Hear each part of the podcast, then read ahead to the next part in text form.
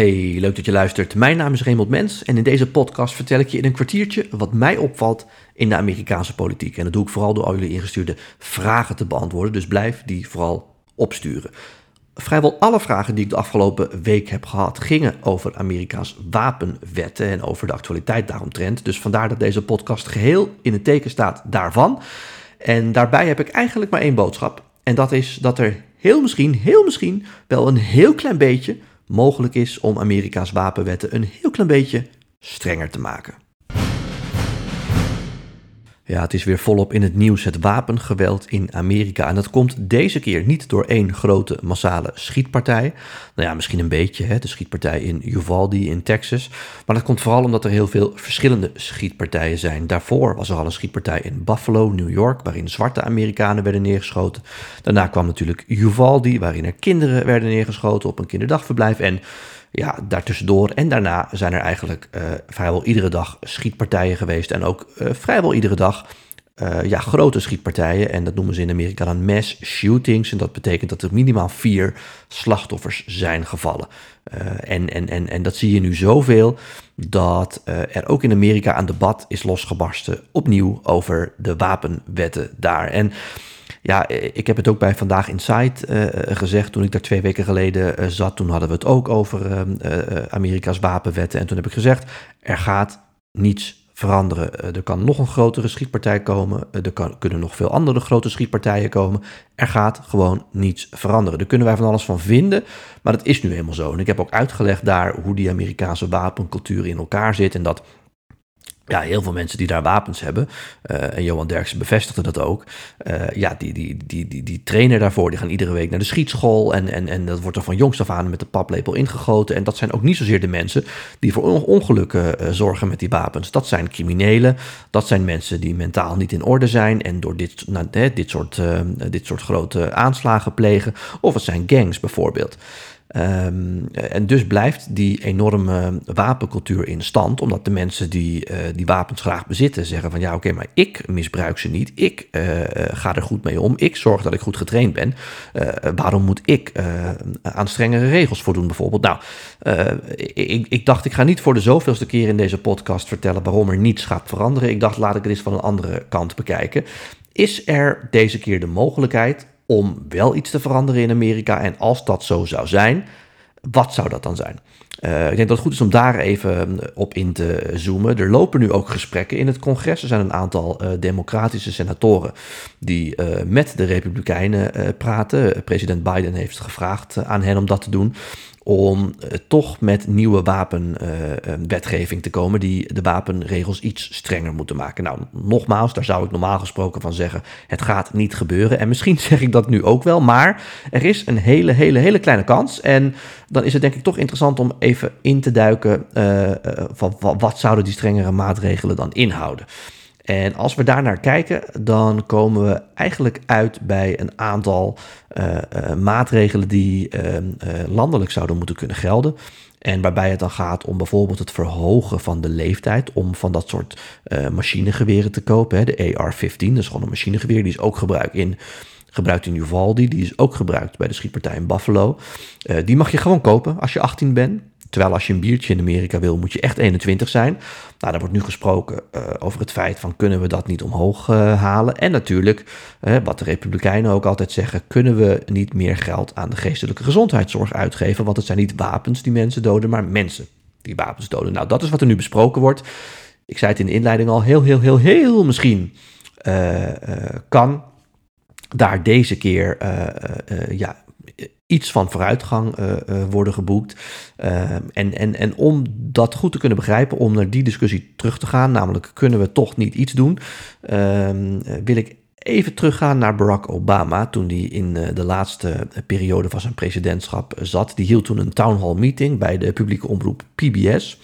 En daar kwam een vraag van een meneer over uh, wapengebruik. En die zei eigenlijk hetzelfde wat ik in de inleiding zei. Namelijk, uh, uh, er gebeuren heel veel vreselijke dingen. Maar ik ben een verantwoordelijke wapeneigenaar. Waarom moet mijn wapen dan afgepakt worden? Of waarom moet ik aan strengere regels voldoen? En Obama zei eigenlijk, hè, ook weer terugslaand op het argument van. Ja, wapens doden geen mensen, maar mensen doden mensen. Obama zei van ja, dat, dat kun je ook van auto's zeggen. Maar ook als het om auto's gaat, hebben we en ook trouwens op heel veel andere terreinen in onze maatschappij, hebben we een aantal maatregelen genomen om daar gewoon wat verstandiger mee om te gaan. En die moeten we eigenlijk ook op de wapenwetgeving uh, plakken. Luister maar even naar Barack Obama. Ik haal Barack Obama aan omdat hij het eigenlijk, denk ik, het best verwoord heeft uh, van de Democraten tot nu toe. We used to have really bad auto fatality rates. The auto fatality rate has actually dropped precipitously drastically since I was a kid. Why is that?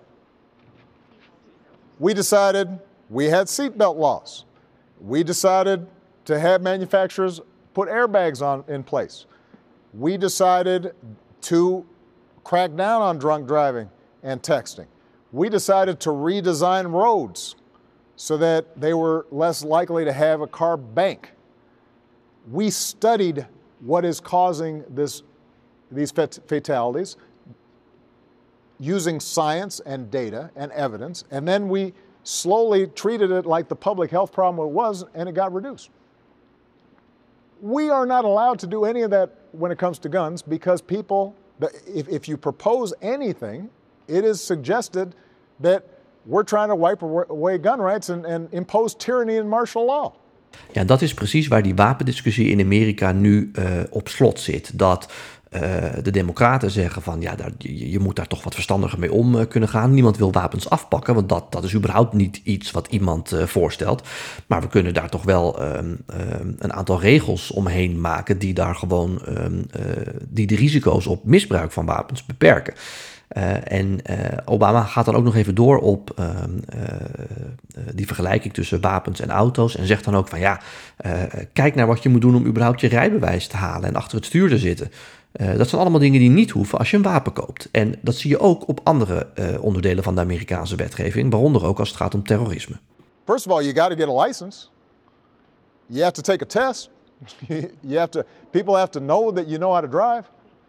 You don't have to do any of that with respect to buying a gun. And when we talked about doing effective background checks, it was resisted because the notion was we were going to take your guns away. I I just came from a meeting today in the Situation Room in which I've got people who we know have been on ISIL websites, living here in the United States, U.S. citizens, and we're allowed to put them on the no fly list when it comes to airlines. But because of the National Rifle Association, I cannot prohibit those people gun. Ja, opnieuw die wapenwetgeving is dus helemaal doorgeschoten. Hè? Dat is het argument van de Democraten. Dat zie je overigens ook terug. We hebben het de afgelopen podcast een aantal keer over het Amerikaanse Hoge Rechtshof uh, gehad. En toen heb ik ook die vergelijking aangehaald. Dat zie je ook terug als het gaat om de benoemingen van hoge rechters. Hè? Uh, rechters die door de Democraten benoemd zijn, die kijken ook met dit oog naar Amerika's wapenwetten bijvoorbeeld. En ook naar andere dingen die te maken hebben met de Amerikaanse grondwet. En die zeggen dan van ja, die grondwet is uh, eh, 225 jaar geleden uh, opgesteld. Dat is allemaal leuk en aardig. Maar toen bestonden er nog geen uh, machinegeweren. Met andere woorden, als Amerika, Amerika's founding fathers echt vonden dat iedereen een wapen moet hebben, dan hadden ze er toen wel bij gezegd, als er al machinegeweren bestonden, dat dat natuurlijk niet voor wapens zou gelden die je in het leger gebruikt, hè, maar gewoon voor normale wapens. En de Republikeinen kijken daar dan weer heel hard naar en die zeggen: nee, nee, nee, nee. Zoals de grondwet ooit opgeschreven is door Thomas Jefferson, door George Washington, door onze helden, onze founding fathers, zo moet je hem ook 225 jaar later uh, interpreteren. En dat betekent dat als daar staat dat wapens voor iedereen uh, uh, beschikbaar moeten zijn, dan is dat ook zo. En dan kunnen we geen onderscheid maken in wat voor soort wapens dan ook. Nou, dat gebeurt dus ook niet, want er is dus ook niet in Amerika een discussie over het verbieden van die uh, machinegeweren. Dat zouden denk ik sommige democraten wel willen, maar ze weten er eigenlijk van dat is niet haalbaar. Uh, en dus uh, wordt er ingezoomd op een aantal andere punten. Hè. En die zijn ook al van de week door president Biden uh, benoemd. En die werden eigenlijk gisteren nog het best benoemd door acteur Matthew McConaughey, die in het Witte Huis was. Hij komt ook uit Uvalde, hij is daar opgegroeid. Zijn moeder heeft daar in een school ook les gegeven. Hij heeft daar slachtoffers van de schietpartij bezocht, is daarna naar het Witte Huis gegaan en heeft daar in de briefing room van het Witte Huis een persconferentie gegeven en heeft daar eigenlijk beter dan dat de president dat deed, um, beargumenteerd waarom uh, die verscherpingen van Amerika's wapenwetten nodig zijn. En ook um, dat dat geen stap achteruit is, maar een stap vooruit voor ook wapenbezitters, omdat er gewoon door veel meer mensen verantwoordelijker met wapens dan wordt omgegaan. This moment is different. We are in a window of opportunity right now that we have not been in before. A window where it seems like real change. Real change can happen.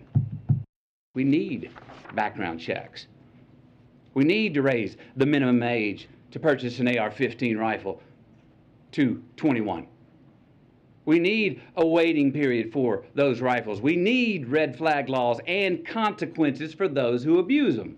Ja, en in één ding heeft Matthew McConaughey gelijk. Er is wel degelijk een momentum om iets te doen. En dat komt dus omdat normaal gesproken na zo'n schietpartij uh, dat momentum al snel weer verzwakt. Maar omdat er dus heel veel andere schietpartijen uh, bovenop schietpartijen komen, uh, is er wel degelijk een momentum om misschien iets te doen. Ik zeg misschien omdat ik nog steeds, als ik moet gokken, denk dat er niks gaat veranderen.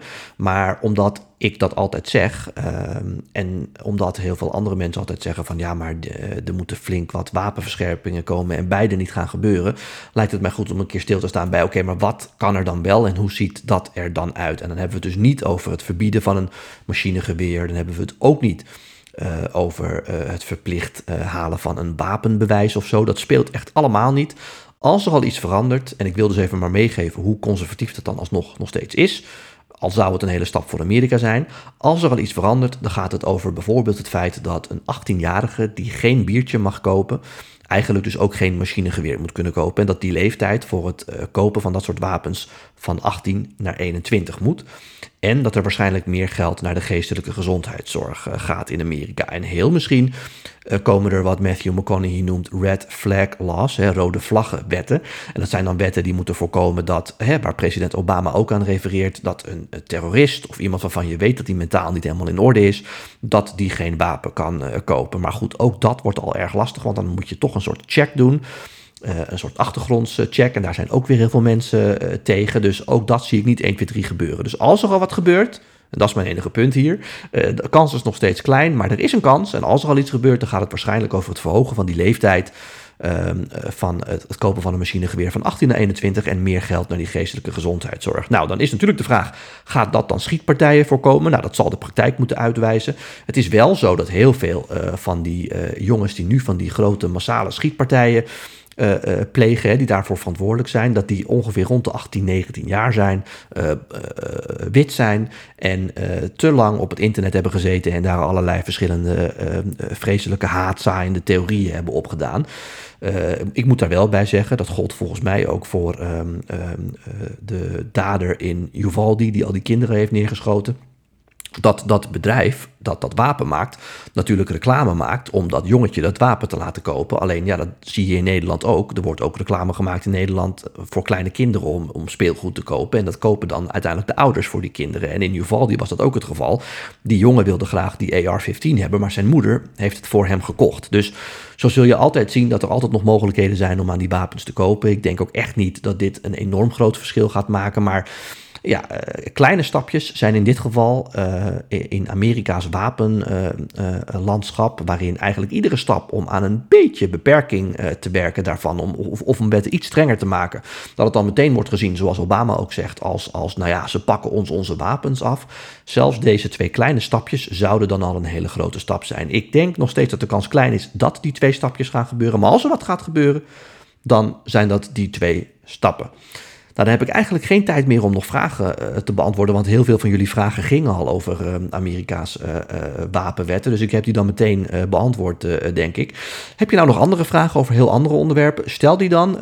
dat kan via LinkedIn, via Twitter of via Instagram. En dan komen die in de podcast van volgende week weer aan bod. Dank voor het luisteren en tot dan.